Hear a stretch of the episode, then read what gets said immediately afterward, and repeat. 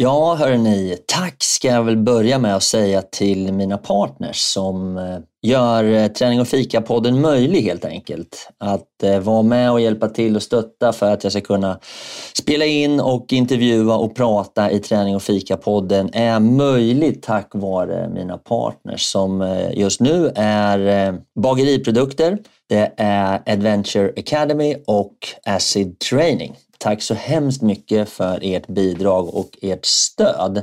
Sen kan man ju då som privatperson också gå in och stötta produktionen genom att eh, ge ett litet bidrag på till exempel Patreon. Det uppskattas väldigt mycket. Där kan du välja mellan att köpa en kaffe svart eller lägga lite mer pengar och köpa en kaffelatte och så fortsätta hela vägen upp till en riktigt härlig brunch. Så ja, tveka inte. Gå in och stötta lite. Det behövs och jag blir glad. Tack ska ni ha. Nu kör vi igång! One size fits all seems like a good idea for clothes until you try them on. Same goes for healthcare. That's why United Healthcare offers flexible, budget-friendly coverage for medical, vision, dental and more. Learn more at uh1.com. Mother's Day is around the corner. Find the perfect gift for the mom in your life with a stunning piece of jewelry from Blue Nile. From timeless pearls to dazzling gemstones, Blue Nile has something she'll adore. Need it fast? Most items can ship overnight. Plus, enjoy guaranteed free shipping and returns. Don't miss our special Mother's Day deals. Save big on the season's most beautiful trends. For a limited time, get up to 50% off by going to BlueNile.com. That's BlueNile.com. Burrow is a furniture company known for timeless design and thoughtful construction and free shipping and that extends to their outdoor collection. Their outdoor furniture is built to withstand the elements, featuring rust-proof stainless steel hardware, weather-ready teak, and quick-dry foam cushions. For Memorial Day, get 15% off your Burrow purchase at burrow.com slash ACAST and up to 25% off outdoor. That's up to 25% off outdoor furniture at burrow.com slash ACAST.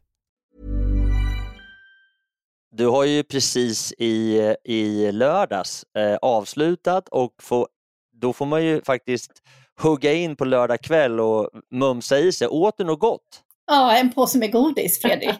Nej, jag skojar. Nej, men...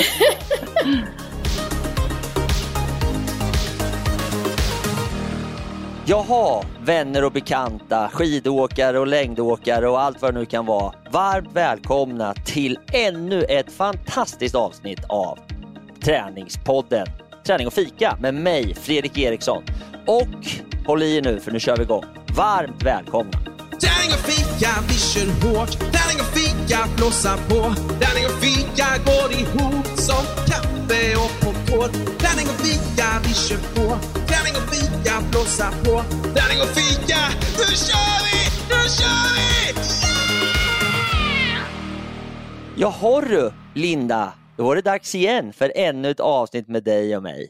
Hur mår du? Jag mår bara bra, tack. Eh, ja, brukar göra det så här på måndagarna, men ja, jag mår bra. Hur mår du? Jo, men det mår, jag mår jättebra. Eh, jag har ju precis eh, åkt eh, Vasaloppet. Jag har varit på eh, sportlov i Chamonix och eh, ja, i princip så brukar jag säga att så här års efter Vasaloppet, då brukar jag säga att skidsäsongen är över. Men icke sa Nicke, för i år ska jag åka lite mer. Så jag är fortfarande i skidmod, vilket är himla härligt. Hörru du, får jag Ja. fråga en sak? Ja. Är det så att du dricker Målbergs blandning? Nej, jag gör inte det, för idag är jag faktiskt inte hemma, utan eh, eh, jag tror att jag dricker Gevalia idag faktiskt. Jag är lite osäker. Jag, jag eh, eh, tog kaffe ur en burk här bara, så, utan märke, men jag tror att det är det. Var det gott då? Ja, men eh, det är alltid gott. Tillräckligt många skopor kaffe Mm. bara, så.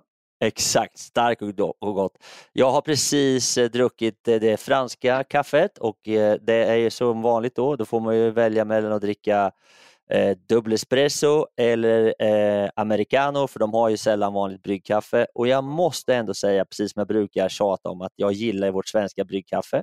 Det blir väldigt, väldigt gott. Så eh, nu har jag kommit hem och får äntligen dricka lite bryggkaffe igen, vilket är väldigt skönt. Men såklart, det är svårt att inte gilla att vara i Alperna eh, på sportlovet. Det är fantastiskt kul. Så att eh, Chamonix har levererat, det har varit sol och eh, fin skidåkning och ganska mycket längd också. Och eh, nu är man hemma och är klar med Vasaloppet så det är skönt. Vi ska prata lite mer om Vasaloppet men först Linda så ska vi väl ta och eh, se om vi får med oss Susanna då. Hon har ju faktiskt tagit sig igenom hela Eight Weeks of Dedication. Ja, det ska bli jättekul att höra hur det har gått här sista dagarna och vad hon har för resultat. Stark som en björn. Hörru du, eh, då kör vi igång då Linda. Ja. Åh,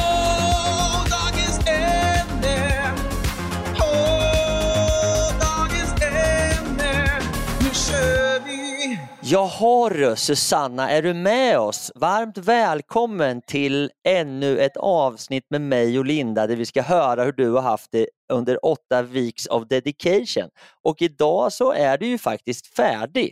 Du har inte bara sett ljuset i tunneln, du är ur tunneln. Så nu vill ju vi höra, hur var det? Hur gick det? Hur mår du? Har du blivit stark som en björn? Ja, jag är ute ur tunneln om vi får säga så. Jag, ser, jag har sett ljuset igen. Nej, skämt åsido. Nej, men eh, nu är jag ju klar med mina åtta veckor och det känns ju fantastiskt. Och absolut, jag är stark som en björn. Eh, det skulle jag vilja säga. eh, det känns superhärligt att faktiskt ha fixat de här åtta veckorna. Eh, ja, jag har ju följt programmet till punkt och pricka utan att fuska och det känns, eh, jag känner mig jäkligt stolt över det, måste jag säga. Och det ska du göra. Precis, det ska du göra som Linda säger, det är verkligen härligt. Ja, och det, det har ju varit så kul att följa dig Susanna och du har ju verkligen varit en mönsterelev i, i, i det här. Och, men hur, hur har det gått? Vad har du fått för resultat då? Berätta. Eh, men jag skulle vilja säga att det har ju gått otroligt bra. Alltså över förväntan måste jag ju ändå säga. Eh, jag hade, nej men det är klart att jag hade förväntningar av att jag skulle få resultat när jag började. Men de här resultaten jag har fått, det, alltså jag kunde inte ens tro det. Eh, dels liksom det jag ser på vågen, även om det inte var det viktigaste för mig, vad jag väger, utan snarare hur jag mår. Och där tycker jag att jag har fått super, super bra resultat. Och liksom, liksom den känslan jag har när jag är på gymmet, att känna att jag liksom känner mig så stark också. Um, jag tycker, ja, när man liksom ser sig i spegeln så jag kan liksom gilla det jag ser lite mer. Och det är kanske det allra viktigaste, snarare än kanske det som står på, på vågen. Även om jag liksom känner mig väldigt glad över de resultaten jag har fått. Um, så det är ju alltså så jäkla kul. Du eh, Susanna, vad heter det, om man nu ska få vara lite frågvis och näsvis och så här. Kan du berätta, även om vågen inte är det viktigaste för dig, men hur har det gått viktmässigt? Ja, eh, men jag har tappat närmare 10 kilo på de här åtta veckorna. Det tycker jag är helt otroligt. Jag hade kanske själv ställt in mig på ett halvt kilo i veckan. Eh, men det är ju liksom drygt ett kilo i veckan. Eh, så det är faktiskt helt otroligt. 10 kilo, alltså det är 10 mjölkpaket jag har tappat. Ja, Susanne, jag måste fråga, hur mycket är det på, på, med måttbandet? Jag tänkte, vi mäter ju midjan, hur många centimeter har du tappat runt eh, midjan? Ja men, ja, men det här, det är ju, alltså det är otroligt. Jag, jag, när jag, när jag liksom ska säga det nu så tror jag knappt att det är sant, men jag har tappat nästan alltså 20 centimeter. 20 centimeter. Alltså tänker man då att liksom närmare 10 kilo i vikt, 20 centimeter, alltså det är hur mycket mm. som helst. Ja, och det som, och det som är så um, roligt med, med just eh, måttbandet är när man tar det är en sak när man mäter, men när man tittar på det och tittar på hur mycket 20 centimeter är, det är galet. Ja, du är jätteduktig. Nej, men det är väldigt mycket och jag, alltså det, jag märker det så tydligt på kläder och eh, ja, de byxorna jag hade på mig på mitt första gympass, de glider ju ner nu när jag tränar. Så jag får väl investera i lite nya kläder tror jag. Men, hur, men det är bara kul. Ja, vad roligt. Ja, men jättekul. Men hur känns det nu liksom, i vardagen när du har och vara tillbaka i, i vardagen? Vad ska man säga? Har du kunnat ta med dig en massa bra saker härifrån som du kan använda i din vardag? Massor vill jag säga. Jag har med mig så mycket olika verktyg. Eh, nu kan väl jag säga så här då att jo, vi, vi har ju avslutat programmet eh, och det känns ju jättekul att man liksom har klarat det så bra. Men jag har bestämt själv att jag kommer fortsätta i fyra veckor, men lite mer moderat. Jag kommer fortsätta med träningsprogrammet. Jag kommer fortsätta med maten. Eh, även om det kommer vara kanske lite modifierat. Luncherna kommer jag vara väldigt strikt och även mellanmål. Jag kommer fortsätta med frukost och, och måndagsfastan. Eh, men kommer kanske lite skruva på och vara lite mer fri kring middagen då så att man liksom mer med, tillsammans med familjen äter samma sak. Men nej, jag har fått med mig så otroligt mycket eh, som jag känner att ja, men det här mår jag bra utav. Eh, jag känner mig så pigg, jag mår bra. Det här vill jag fortsätta med. Jag vill fortsätta ha det här mindsetet. Det är det viktigaste, att att liksom få det med sig tycker jag. Ja, vad roligt, roligt att höra. Och det, det, ja, det är verkligen eh, grymt jobbat av dig. Och, och, men jag tänker rent träningsmässigt, då, har du blivit någon starkare än första gången till sista gången? Ja, jag är stark som en björn, Linda. eh, nej men eh, absolut, alltså jag märker enorm skillnad när jag är på gymmet. Alltså första gången jag skulle göra mina armhävningar. Eh, det har kanske varit den största utmaningen för mig, det här med armhävningar. Jag är ganska svag i axelpartiet, armarna. Eh, men alltså så här är det. Jag gör mina armhävningar. Wow. 36 stycken. Och, och, utan att stå på knäna. Eh, det är en vinst för mig kan jag säga. Det känns super, super kul. Grymt kul. Och vi i gruppen har ju pratat väldigt mycket om chins. Eh, hur, är du i närheten av någon chins? Uh, uh, ja, uh, jag är starkare, jag är på gång. Det vill jag faktiskt säga. Jag tror att det handlar om lite teknik som jag behöver öva in. Um, och tyvärr lite svaghet i just mina axlar. Uh, och sen så är jag lite svag i mina handleder också efter skada. Men jag är på det. Snart Linda är jag där. Jag ger inte upp kan jag säga. Jag säga till de som lyssnar att det här är en, alltid en het potatis i, i våra grupper. Pratar vi väldigt ja. mycket chins. ja. Så. ja, men den ja. är tuff. Alltså det, det är tufft att göra, men, men eh, jag ger inte upp. Jag ska klara och det. Och många som vill kunna göra dem också. Det är så. Vi ska mm. se om Fredrik kanske ska släppa in honom och se om han har någon fråga. Ja, trevligt att man får komma in här och babbla lite mer tjejer. Uh, nej, men jag ja. kan väl inte mer, mer än instämma med Lindas lovord, men jag kan också kommentera att du har varit duktig Susanna och följt programmet, men det är ju faktiskt så att de flesta som kör 8V följer det till punkt och pricka. De hackar alla grejer, de följer programmet, de gör träningen och då får de, precis som du upplevt Susanna, magiska resultat även fast det bara är åtta veckor. Och Det är kul att du mm. instämmer mm. i det. Och Jag skulle då vilja ställa en fråga Susanna, om du skulle ta tre saker som du tyckte var bra med 8V mm. för dig.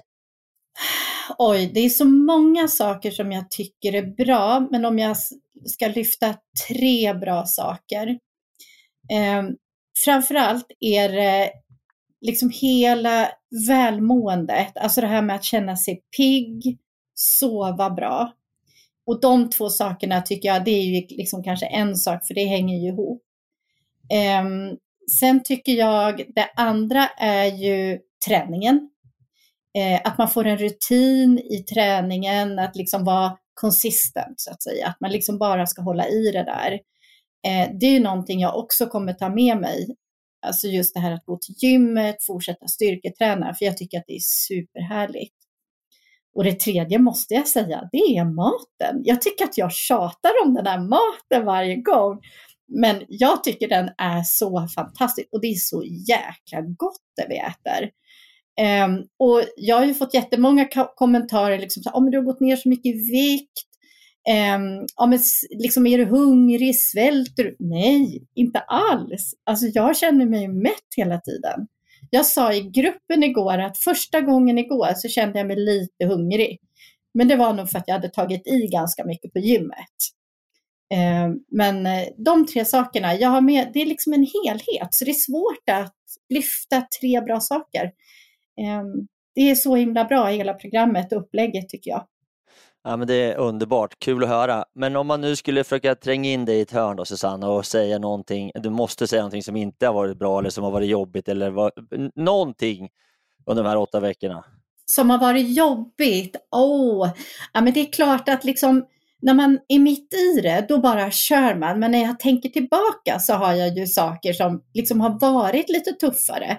Eh, och då tänker jag liksom de här första, ja men kanske veckan, tio dagarna den här omställningen som kroppen går igenom när man slutar med socker och bara massa skit som man stoppar i sig. Um, ja, men det är en omställning. Man är trött, man har ont i huvudet eh, och samtidigt i det där så ska man liksom äta supernyttigt och så ska man gå och träna på det också när man känner att man egentligen kanske inte mår så jättebra. Eh, det är nog det allra, allra, allra tuffaste i programmet.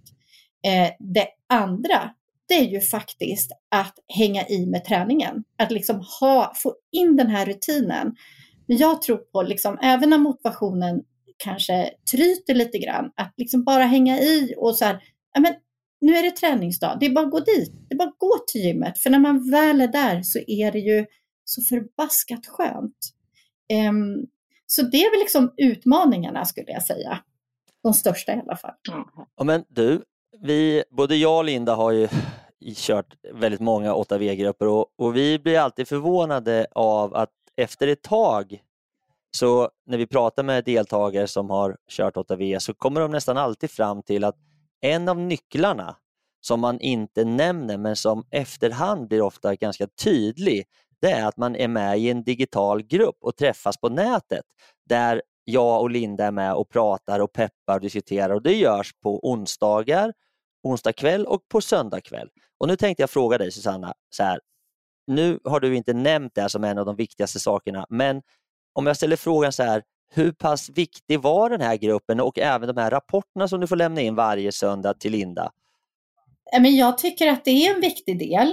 Ehm, jag, jag tänker så här, vi rapporterar ju in liksom våra resultat varje söndag och det är ju liksom lite sådär måttet och motivationen också att man ser att det jobbet jag gör ger väldigt bra resultat. Och det, blir ju, det är ju liksom som en morot att hela tiden driva sig framåt.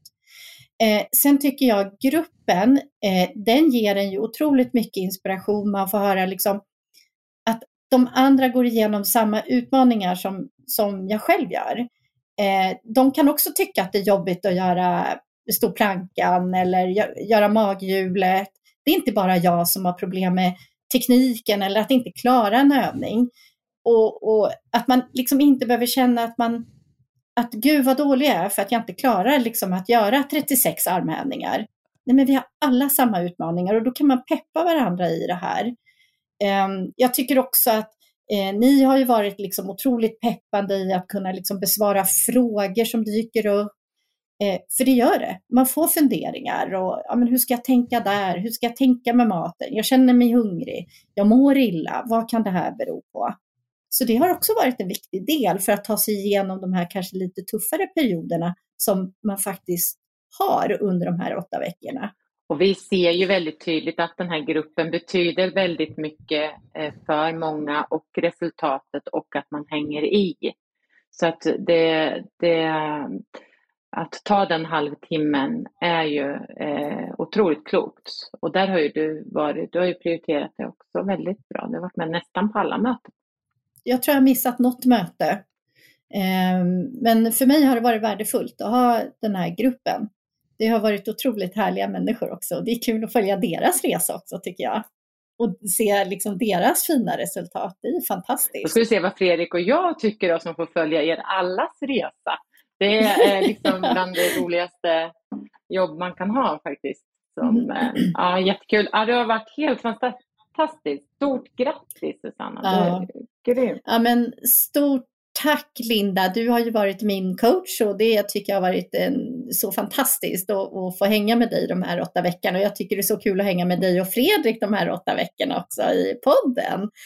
Eh, men som sagt var, nej men jag kan ju bara varmt, varmt, varmt rekommendera alla som någon gång kanske funderar på att ge sig på en sån här liksom, ja, men en resa och en investering i sin hälsa skulle jag säga att det är. Det är ingen utmaning. Det här är ju liksom någonting, en investering i sig själv. Helt Mm. klart. Ja, verkligen. Härligt! Och med de visa orden så tror jag vi säger tack och bock till dig Susanna. Och jag har ju tillsammans med Linda hoppas att vi om en tre, fyra, fem veckor kan få med dig igen för att göra en liten avstämning hur livet rullar på i, i halvnya hjulspår kanske. Och eh, stort tack eh, Susanna, men innan vi släpper iväg dig idag så ska vi faktiskt ta en sista veckans godbit eh, tänkte jag. Kan du stanna kvar så får vi göra det med dig. Absolut. Härligt! Veckans godbit. Jaha hörni, då var det sista veckans godbit med Susanna vid spakarna tillsammans med Linda. Ja Linda, vad har du tänkt att bjuda på idag då? Idag tänkte jag bjuda på ett eh, mellanmål som vi kallar det för, ett, eh, en blue smoothie. Eh, Susanna, den har du ätit va nu i slutet tror jag? Mm, det stämmer. Ja, men det är ju de här sista dagarna som vi har fått den här smoothien som är så god måste jag säga. Och det är lite sådär så att man ja, men, kanske inte riktigt förstod att man har längtat efter den, men det har man gjort. Ja, den är otroligt god. Den är väldigt populär hemma hos mig faktiskt, bland mina eh, tonåringar hemma. Men eh, har du, kommer du ihåg hur man gör den? Jajamensan. Ehm, den är ju superenkel och jag har ju, ja man gör det bara i en blender egentligen där du blandar ihop eh, ja, men keso, du har blåbär eh, tillsammans med mandeldryck och du kan ha i lite flytande honung. Jag har valt att utesluta det men enbart utav anledningen att jag tycker honung är lite sisådär. Eh, och sen har jag i lite mald kardemumma för att få den där lite goda kardemummasmaken också. Och så bara i en blender och blanda ihop allting. Och så kan man ta to go. Supersmidigt och gott. Otroligt smidigt och bra recept. Inte, det är inte mer än så. Men som vanligt så lägger vi upp det på våra sociala medier så att det finns att hitta där på Träning och fika, Instagram och Facebook. Härligt! Jag kom på att när vi ändå pratar om mat Susanna, du har ju precis i, i lördags eh, avslutat och få, då får man ju faktiskt hugga in på lördag kväll och mumsa i sig. Åt du något gott? Ja, en påse med godis, Fredrik. Nej, jag skojar. Nej, men... Det är ju så här att nu har man ju gått igenom de här åtta veckorna, man har inte ätit nå, något godis eller socker. Så att, och då har ju, vi har ju pratat ganska mycket om det, att försöka vara lite försiktig med socker så att man inte blir dålig och sådär.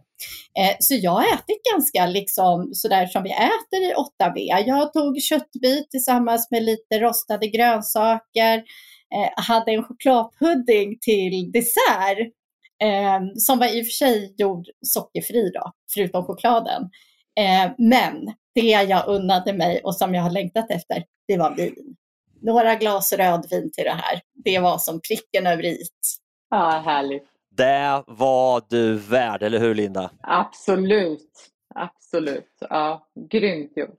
Jaha, men då säger vi väl eh, stort tack Susanna och vi önskar dig lycka till eh, framgent och vi hörs snart igen. Så eh, eh, du får våra stora kramar och applåder och hejarop och vi tycker du är en underbar tjej och det är så kul att ha haft med dig på den här resan under åtta veckor, eller hur Linda? Ja, verkligen. Tack snälla Susanna för att du har delat med dig av din resa. Ja, men stort tack Linda och Fredrik för att jag har fått vara med. Det har varit super, super roligt och jag är så nöjd och det ska bli jättekul att eh, vi hörs igen. Så får vi se hur det går för mig. Det kommer gå så bra. framåt. Ja, det kommer det. Gymsnack. Ja, då har vi kommit till den fantastiska lilla punkten som jag har döpt till snacket och skvallret på gymmet med dig Linda. Men det är inte alltid det är så mycket snack och skvaller. Det är mycket klok, kloka saker och funderingar. Och vad har du tänkt att, vilken är din spaning idag Linda? Idag har jag spanat lite om det här med när man känner att man kanske inte mår topp eller man har mycket att göra och så. Om Man tar ett beslut på att inte träna. Eh, och då upplever jag att många sen att, ja, men jag, om jag bestämmer att nej, men idag ska inte jag träna. och sen så går man och har lite dåligt samvete över det. Och jag trodde i min värld att det kanske bara är jag som är lite dålig på det där. Eh, men att många känner så, att, att man ändå känner som, ja ah, men jag skulle ha tränat idag och jag borde, jag borde, alla de här, jag borde göra och jag borde göra. Istället så är ju mitt, liksom det här att försöka jobba med att vara nöjd över att ja, men nu gör jag det här istället. Jag har tagit det här beslutet. Imorgon kanske jag tränar och vara nöjd över det och inte slå på sig själv. Förstår du lite vad jag menar? Absolut, jag håller med dig till 100 procent och ibland så är det så här liksom att livet kommer emellan och det händer saker och så vidare. Men det är också så, eh, kan man väl säga, eh, den här gamla devisen om all träning är bra träning, all träning som blir gjord är bra. Man ångrar sällan ett träningspass. Eh, så det finns ju då en, en, en annan sida på det här myntet, men jag förstår precis vad du menar. Om det inte är så att det funkar, då ska man inte gå runt och ha dåligt samvete, utan det är bara att gå vidare. Det kommer nya dagar, det kommer nya träningspass, det kommer nya gymmöjligheter. Ja men precis, att man liksom, ja, men nu har jag tagit det här beslutet, då får man stå lite, även om det bara är mot en själv, så får man stå för det och sen göra det bästa av det. Och sen, sen får ju inte Sen är det ju faktiskt så att tar man sig iväg ändå, vad man nu gör, springer, tränar eller vad man nu gör, så, så eh, ångrar man ju absolut inte det. Men det finns vissa gånger där man liksom tar aktivt beslut att nej, men det här blir inte idag. Och då stå för det och vara nöjd med det och klappa sig själv på axeln, kanske att man till med klarar av att, att vara nöjd över det beslutet.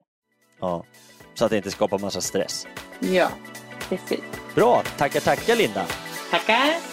Veckans fråga! Du måste våga ställa veckans fråga. Veckans fråga! Ah, baby. Jaha, då ska vi se om våran brevlåda har fått påhälsning av någon typ av fråga. Jag vet inte Linda, jag har inte riktigt koll den här veckan, men det brukar ju faktiskt du ha och de flesta frågor kommer in på vår Instagram och det är ju kul. Men eh, jag vet inte, vad har, du, har det kommit in någon fråga från någon lyssnare? Ja, det är klart det har kommit in frågor och jag har fått en fråga från Stefan. Nu har ju du åkt Vasaloppet och, och genomfört det, men han undrar hur du de sista dagarna förbereder dig inför till exempel ett Vasalopp. Och då tror jag att han menar med energi och, och träning och, och sådär. Ja, men det var väl en bra fråga. Eh, jag har precis förberett mig och genomfört ett Vasalopp så det kan jag väl eh, någonstans dra några enklare slutsatser kring egentligen uppladdning inför ett... Det här Vasaloppet är ganska långt, det är nio mil, så man behöver se till att ha lite, lite mat i magen. Så jag har väl en rutin där jag försöker äta lite extra mycket normal vanlig mat. Eh, det gör jag eh, dagen innan, eh, kanske lite extra stor lunchportion och, så vidare. Och Sen så är det ganska mycket fokus på skidorna. Så man håller på och jobbar en del med skidorna, vallar och rillar och slipar och, och vallar igen och håller på att mätta dem och lägger på pulver och, och sådär. Så man får ordning på skidorna. Det är ganska mycket jobb med det. Det är en stor del av förberedelsen. Sen är det väl också då hela den här logistiken kring Vasaloppet som är ganska stökig och ganska omständig som man måste hantera med bussar, parkeringsplatser, bilar, boende, hela den biten är eh, extremt stökig och rörig. Men rent eh, sen då när det börjar bli dags, eh, då brukar jag gå ner och ställa mig i kön till startled 2 Eh, även i år. Då. Och då får man stå där och frysa och eh, vänta ifrån klockan fyra på morgonen till klockan sex när follorna öppnar, vilket är ganska knäppt, men så är det. Så vi är hur mycket folk som helst som står där. Det är långa, långa, långa, långa köer. Och sen när man väl har fått in sina skidor då, i spåret, då går vi tillbaka upp till vårt hus där vi har eh, möjlighet att äta frukost, byta om, packa ihop allting. Och då brukar jag faktiskt ha som tradition att äta blodpudding på morgonen. Blodpudding tillsammans är eh, Blodpudding tillsammans eh, med lingonsylt brukar jag äta på morgonen inför Vasaloppet för att det är bra energi, det håller länge och eh, det kommer i sig egentligen faktiskt från en, en eh, kille som heter Rune Larsson som jag delade ut Årets äventyrare till för eh, väldigt, väldigt, väldigt många år sedan. Han pratade om det med, i, jag vet inte vilket sammanhang, men jag lyssnade på det och pratade med honom om det och han tyckte det var jättebra. Han gjorde det när, när han springer långt. Så att eh, där någonstans, eh, sen brukar jag faktiskt dra en Red Bull eller någon energidryck i samband med precis innan start och sen så är det bara att ge sig iväg då och staka sig till, till Mora, eh, ja, som jag gör. Det var 19 gången och eh, så jag hoppas att bagaget är framme och att kompisarna är där och eh, sen när jag kommer i mål så är det ju fest och skönt att man är klar. Så eh, där någonstans har vi en ganska enkel uppladdning. Jag håller inte på att krångla till det så mycket. Utan eh, jag hoppas att det var ste- svar, något sådär svar på Stefans fråga. Och det har sett likadant ut för mig ganska många år faktiskt. Så att jag, jag har kört på det här sättet. Jag är ingen pastahets och inga så konstigheter utan ganska straight forward. Det är så härligt att vi båda är inspirerade av Rune Larsson och hans eh, sätt. Han kommer in i den här podden lite, lite då och då faktiskt. Men vad härligt. Blodblod, ja, det, det var faktiskt något som jag inte har hört. Det ska jag ta med mig, verkligen. Vi får väl ta och bjuda in Rune eh, till podden. Ja, det vore ju fantastiskt kul. Ja, men det kan vi väl, det kan vi väl säga att vi ska göra så, så har alla någonting att se fram emot. Ja, verkligen. Gymtips från mig till dig. Yeah. Jaha du Linda, då är det dags för ytterligare ett av dina fantastiska gymtips. Vad har du tänkt att dela med dig av för roligt idag på gymmet? Ja, men idag tänkte jag ge ett tips lite eftersom vi hade Susanna här som har genomfört sina åtta veckor eh, med 8 weeks och dedication. Så tänkte jag eh, faktiskt ta upp det enklaste tipset av dem alla och det är ju att göra en plan. Jag vet att vi har pratat om det förut men jag har inte haft det som gymtips. Utan jag skulle vilja ge som tips att man sätter sig och tänker igenom vad man har för mål och var man vill komma någonstans och hur mycket tid man har att träna. Och så gör man en plan över de timmarna man har i veckan och bestämmer vad man ska göra. Vilket blir mycket lättare att det verkligen blir gjort. Eh, jag tycker jag ser det väldigt eh, mycket bland mina vänner och så att de som gör en plan och eh, har bestämt i förväg innan veckan börjar vad som ska göras får det också gjort och jag själv också eh, behöver verkligen skriva ner för att eh, komma över tröskeln. Härligt Linda! Eh, jag kan inte annat än hålla med dig till 110 procent och jag kan också säga så här att jag tror att det här är en av nycklarna till framgång för att hålla på med träning länge. Inte bara mot ett mål utan även när det gäller ett välmående. Det ser vi ju ganska tydligt i 8V också där alla följer sin plan och eh, kommer med bekännelser och, och sådana här saker om de har missat en enda liten detalj i den vilket är jättebra. Men vet du vad jag skulle vilja göra? Det här skulle jag vilja borra vidare i egentligen. Och då tänkte jag att vi kanske skulle bjuda in någon sån här eh, träningsexpert som kan prata lite grann om effekterna och hur man lägger upp ett bra, en bra plan, eller hur? Jag tänkte till exempel på ja, kanske Hasselmark eller Wikström eller någon annan sån här som håller på mycket med konditions eh, och träningsplanering. Ja, det vore jättekul. Det vore jätte, jättekul. Ja, men då tar vi och snackar ihop oss du och jag så hittar vi någon som vi tycker är lite guru på planering och sen så bjuder vi in och så delar vi med oss av det. Ja, det blir perfekt. Underbart. Underbart. Du, eh, tack för eh, det här gymtipset. Det gäller alltså att planera. Upp med det på kylskåpet, då finns det där, då blir det gjort. Ja! Jaha hörni, då var det dags för del 8 i min resa mot Vasaloppet och längdskidåkning. Och sista delen eh, har ju då utfärdats att handla om eh, nästa säsong, kommande äventyr men också Vasaloppet. Så jag tänkte ta med er på en summering av mitt Vasalopp och eh, se mina funderingar och tankar kring det klassiska Vasaloppet. Nu kör vi igång! Ja hörni, då tänkte jag väl försöka göra en summering av Vasaloppet till att börja med. Och eh, Det här var ju alltså mitt 19 Vasalopp och eh, då har jag räknat med eh, jubileumsvasan som jag körde förra året. Jag har också faktiskt brutit ett Vasalopp, vilket jag förhoppningsvis peppar, peppar aldrig kommer göra mer. Men om man då ska titta lite grann på det här med, det här med Vasaloppet så är det ju ganska spännande och intressant företeelse att vara med på. Det är ju en folkfest på många sätt och en ganska stor tv-sändning Eh, många eh, eh, tittar och många lyssnar och eh, följer med under den här morgonen med en kaffekopp och eh, det är kul. Många som följer mig också har varit roligt under årens lopp och eh, jag försöker ju att åka Vasaloppet varje år i och med att jag någonstans i grund och botten kallar mig för skidåkare. Eh, men om man då ska ta det här lite summer, alltså dra det som det går till då, så kom jag hem från Chamonix på fredag kväll, vallar skidor och packar ordning på fredag natt.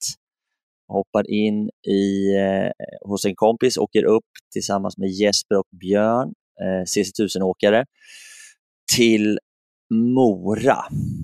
Vi kommer upp till Mora ungefär vid tvårycket på lördagen efter en lite ja, fix och trix sådär, kommer iväg och Eh, där har vi då bokat en buss som går ifrån Mora till Sälen. Och anledningen till att vi gör det är att vi bor precis vid starten, eh, nere vid Vasaloppsstarten i Sälen. Så vi ställer bilarna i Mora på eftermiddagen parkerar dem där, tar med ett par stavar och skidor och en väska med sängkläder.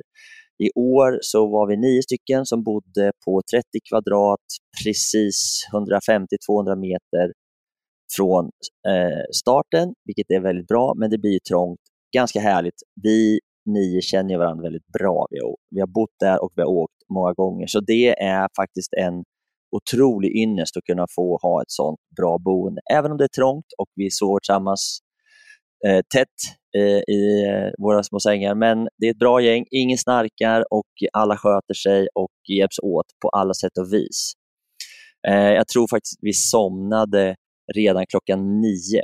Vi brukar försöka kolla på Melodifestivalen, men i år var det ingen som orkar. Så eh, lyset släcktes redan klockan nio på lördag kväll Eh, efter lite pasta som Anders hade fixat med spagetti och sådär. Han, kör, han handlar också på vägen upp. Så att vi eh, nio pers där eh, hade en tidig och trevlig kväll. Men anledningen till att vi går och lägger oss klockan nio är ju att vi då går upp väldigt tidigt för eh, att gå ner och ställa sig i kön för att få bra startplats i sitt startled.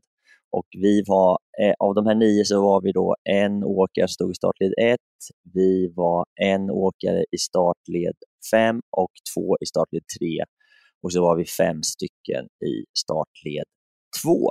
Så det här är väl då, skulle jag vilja säga, Vasaloppets största akilleshäl eh, för oss som åker, åker ofta och det är ganska stökigt att man ska gå upp 03.30 för att då gå och ställa sig i minus 8 grader klockan 03.45 och vänta fram till 05.30 för att springa in och lägga sina skidor så långt fram som möjligt i startled för att sen gå då och vila och vänta fram till klockan åtta när starten går. Det här är inte speciellt bra, inte speciellt trevligt och ganska knäppt. Men så här är det tydligen och det, jag har gjort det nu 19 gånger så att jag vill fortsätta med det här, men jag tycker fortfarande att det är en jäkla dålig lösning faktiskt.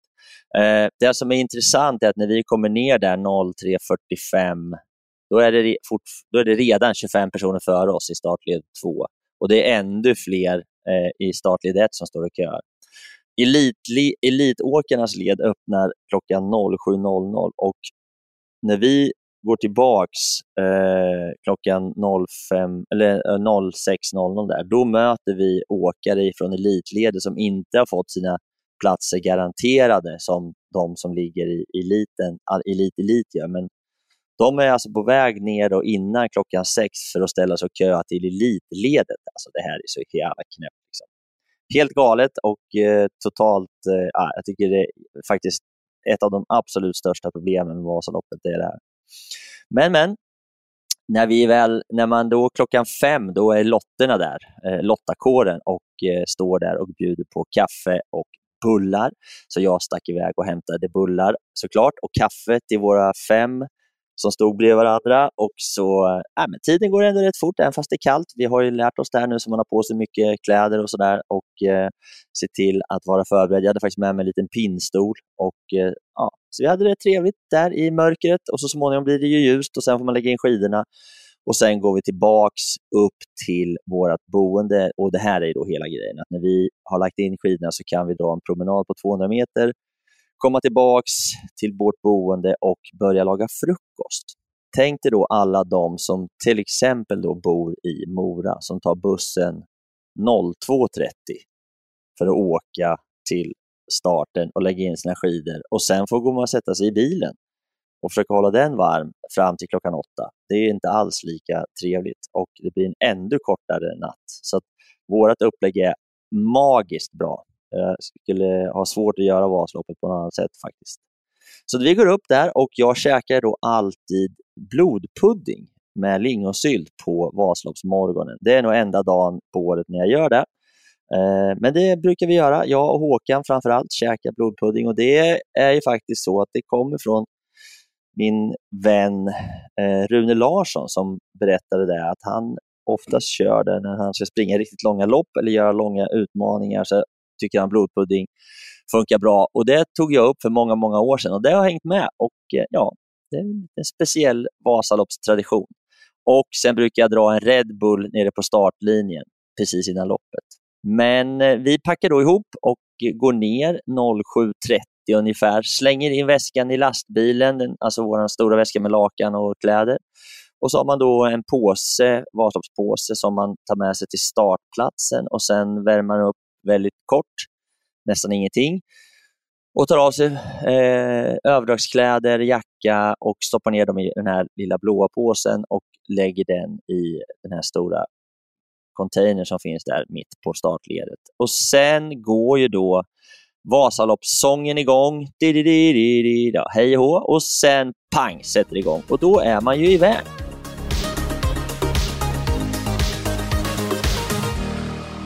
Då är det alltså dags för själva loppet. Och eh, Vi lyckades ju då, även fast vi stod som nummer 25, så jag tror att det är 52 spår eh, på startfältet där jag dessutom faktiskt har tältat när jag åkte genom Sverige, vilket är lite sjukt.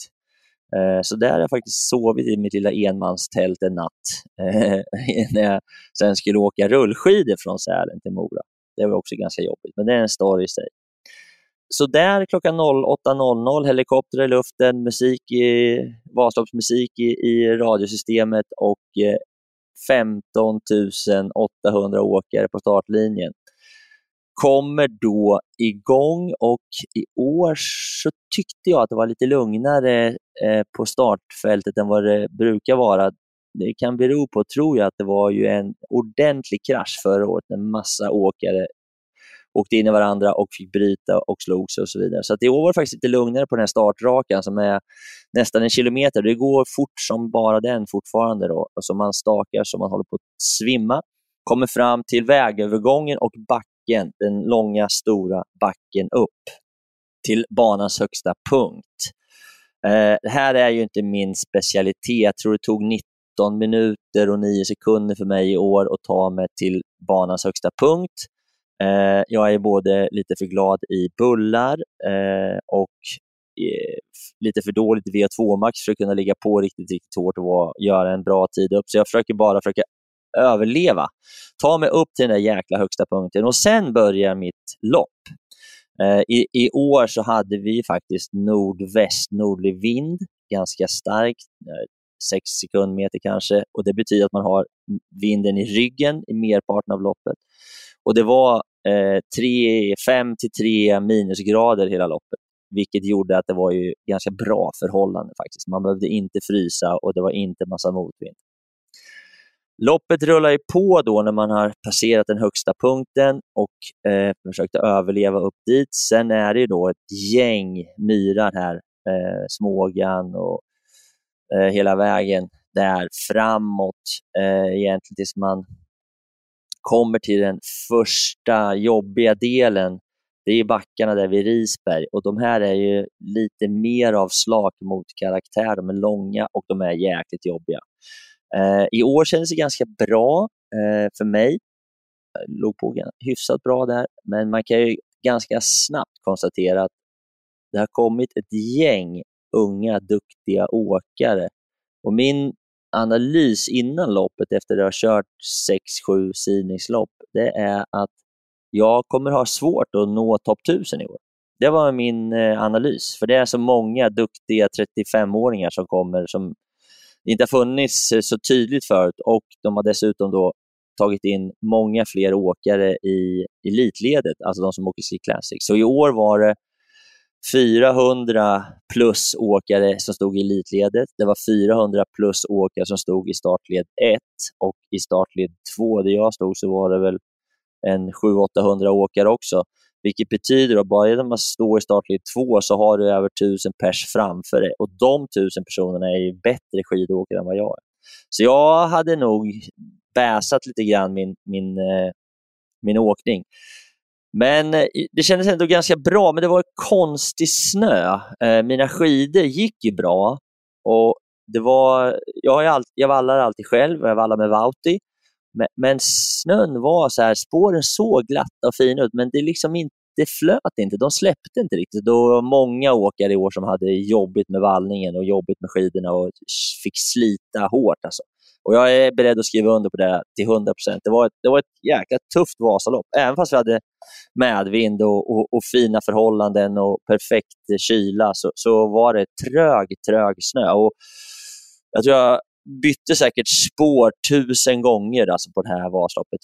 Alla bytte spår hela tiden och merparten av tiden så åkte jag utanför spåret, även fast det var perfekta spår. Och, och spåren såg så här glatta ut. De såg ut som att det skulle gå fort, men skidorna släppte liksom inte. Det sög fast. Så det, var, nej, det var lite konstigt. Eh, I övrigt hade jag faktiskt mina nya one-way-stavar också. De har jag inte använt förut. Ett par orangea stordunksstavar och de var också grymma. Så att allting funkade jättebra. Jag hade köpt så här Enervit-langning, extra langning då, förutom som ligger mellan stoppen och det funkade också bra.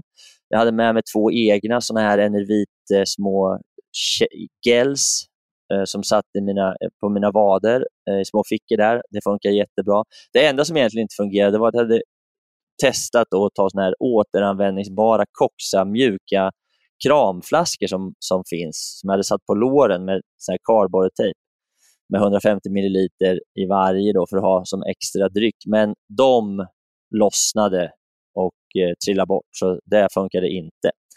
Eh, nej men annars så var det väl så, alltså som vanligt, jag stannade inte en enda gång och eh, åkte egentligen genom kontrollerna, tog en mugg på varje kontroll. Och sen så småningom så kommer man ju då till, till, min, till det som kallas för eh, efter, eh, efter eh, Eversberg så kommer man ju då till eh, de här Lundbäcksbackarna. Och de här backarna är ju fett jobbiga för mig, för de är ju branta och ganska långa och då är jag också jäkligt trött. Så där brukar jag ju då inte prestera superbra. Och i år så tror jag att jag tappar 50 placeringar eh, efter, efter Eversberg. Så det är väl min stora akilleshäl. Jag var galet trött och jag är alldeles för tung och för, för dåligt pannben för att riktigt ligga i och köra slut på mig helt och hållet. Tyvärr, men eh, sammanfattningsvis så kan man väl säga att eh, ja, det var ett eh, kul och fint propagandaår med en del eh, roliga saker. Det roligaste var väl egentligen att jag kom topp 1000, 977. Det var jag nöjd med. Jag krigade på bra. Emil Persson vann. En svensk vann för första gången på 11 år. Den här unga Alvar Myrback kom åtta. Han är 16 år. Det är också jävligt kul. Eh, och sen eh, Brynte åkte baklänges. Det är också ganska roligt på nio och en halv timme.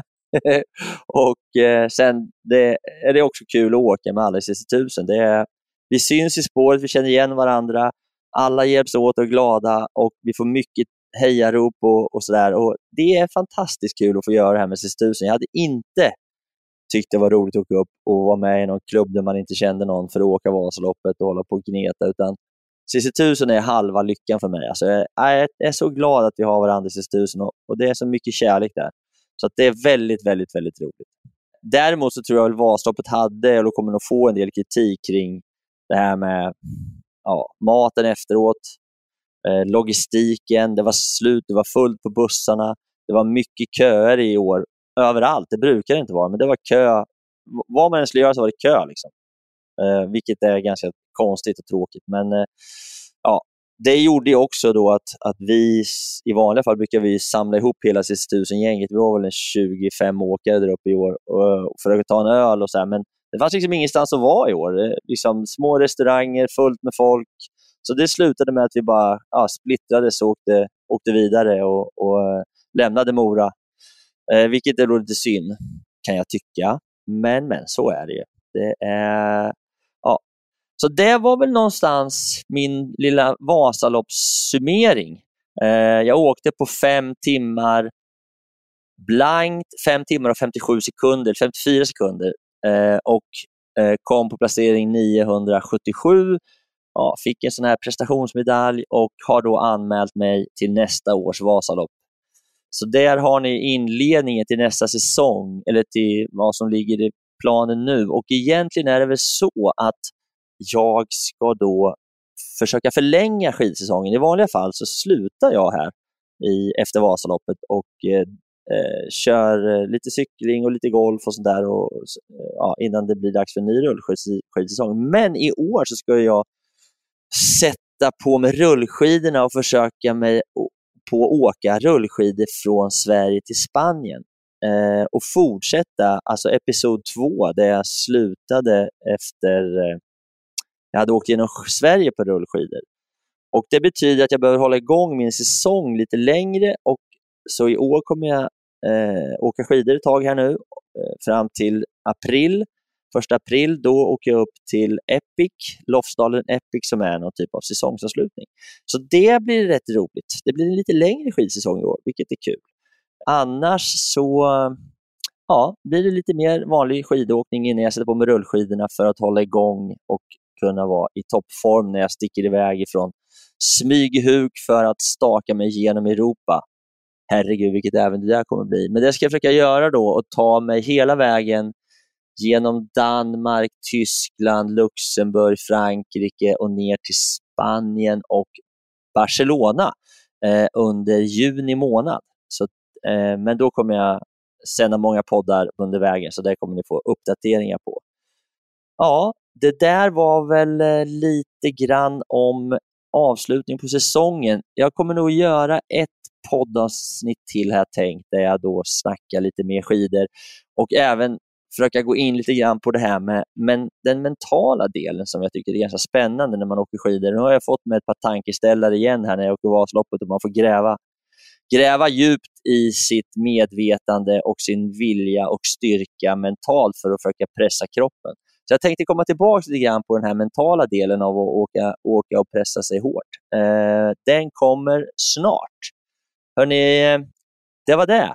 Eh, åk försiktigt i skidspåren nu. Tack för den här gången. Nu tar vi nya tag mot nya äventyr. Topp, topp. Hej, hej!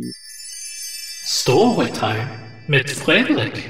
Jaha, då var det äntligen dags för ännu en story från mig. Och Det här är ju eh, mitt sätt att få berätta lite knäppa grejer som jag varit med om. Så det är både högt och lågt, men det vet ni ju säkert vid det här laget. Och i, Nu är det så att jag har precis varit i Chamonix på sportlov och eh, då kom jag på att jag skulle berätta om en annan sport eller en annan resa till Alperna eh, där jag då var tillsammans med ett gäng. Det var faktiskt inte sportlov utan det var nyår. Vi var ett stort gäng som var i Bad Gastein och firade in millennieskiftet. Och det här var ju jättehärligt. Alltså fullt med snö. Eh, alla var nervösa inför tolvslaget eh, när vi skulle lämna 1999 och gå in i 20 000-talet och vad som skulle hända med alla datorer och så här. Ni kommer ihåg hur det där var.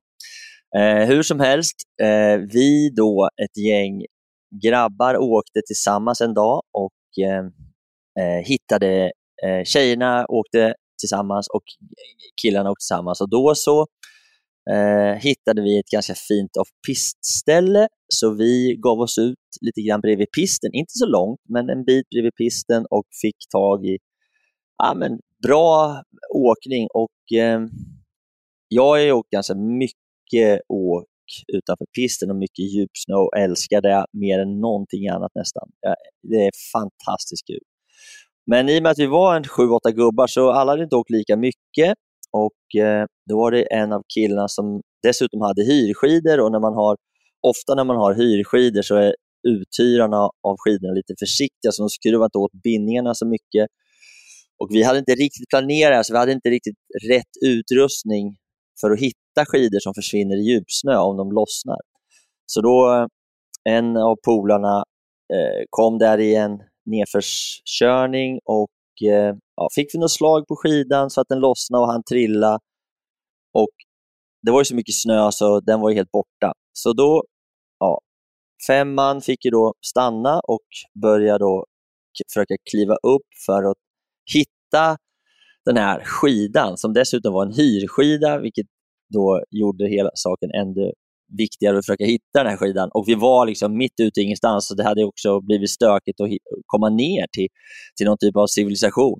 Så vi började leta och vi leta och vi leta. Och han hade ju då trillat och så farit iväg och ja, det var fluffig snö. Så, ja, du vet, vi letade vi letade och vi använde stavarna, använde skidorna och vi använde händerna och vi, liksom, ja, vi letade överallt. Uppe, nere, bredvid. Alltså vi letade så in i helvete. Och till slut så bara, nej, nu orkar vi inte längre. Liksom. Den finns inte här, den har försvunnit. Så det var ju så ganska jobbigt. Så han då deppar ihop, sätter sig en bit ut, ut och, där uppe och så, då, så, så ser jag liksom hur han öppnar upp veckan. Vi bodde på ett sånt här bra hotell som hade fin, fina och bra frukostar. Och så, så ser jag hur han sätter sig där i snön, lite deppig, öppnar upp jackan och så tar han fram ett hårdkokt ägg och börjar skala. Och sen när han skalar färdigt det, då tar han fram en sån här liten kaviartub ur fickan. Och så har han en liten picknick där själv.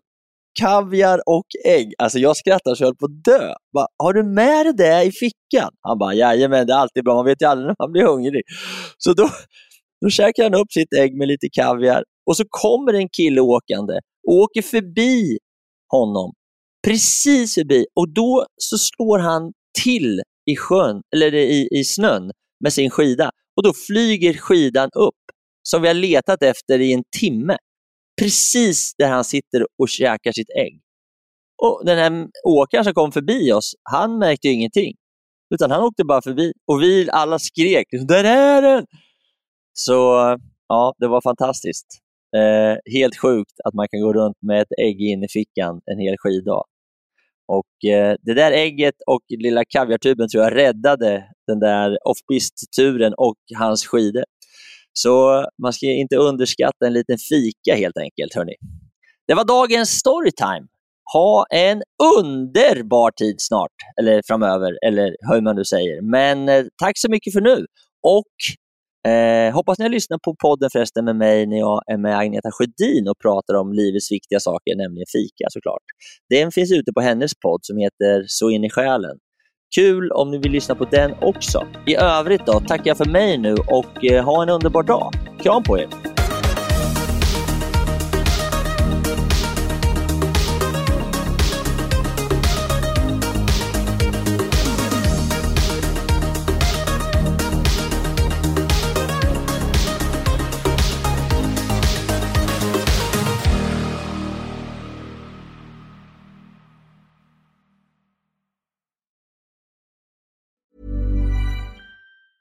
Planning for your next trip?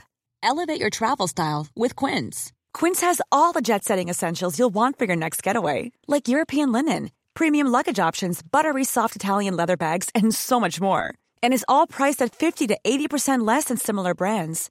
Plus, Quince only works with factories that use safe and ethical manufacturing practices. Pack your bags with high-quality essentials you'll be wearing for vacations to come with Quince. Go to quince.com slash pack for free shipping and 365-day returns. Mom deserves the best, and there's no better place to shop for Mother's Day than Whole Foods Market. They're your destination for unbeatable savings, from premium gifts to show-stopping flowers and irresistible desserts. Start by saving 33% with Prime on all body care and candles. Then get a 15-stem bunch of tulips for just $9.99 each with Prime. Round out Mom's menu with festive rosé, irresistible berry chantilly cake, and more special treats. Come celebrate Mother's Day at Whole Foods Market Imagine the softest sheets you've ever felt. Now imagine them getting even softer over time. That's what you'll feel with Bowl and Branch's organic cotton sheets. In a recent customer survey, 96% replied that Bowl and Branch sheets get softer with every wash. Start getting your best night's sleep in these sheets that get softer and softer for years to come. Try their sheets with a 30-night guarantee. Plus, get 15% off your first order at bowlandbranch.com. Code BUTTERY. Exclusions apply. See site for details. Det var allt för den här gången hörrni. Och jag tänkte avsluta lite kort med att återigen tacka mina fantastiska partners och sponsorer som är Bageriprodukter, Acid Training och Adventure Academy. Och eh, återigen, har du en krona över eller är helt enkelt sugen på att bjuda på en kaffekopp så gå in på min Patreon och eh, köp en kaffe, en kaffelatte eller en hel brunch så eh, kan jag fortsätta spela in podden, producera nya härliga avsnitt och eh, fortsätta att underhålla dig. Hoppas du har haft en fin lyssning och att vi snart hörs igen. Tack så mycket. Hej då!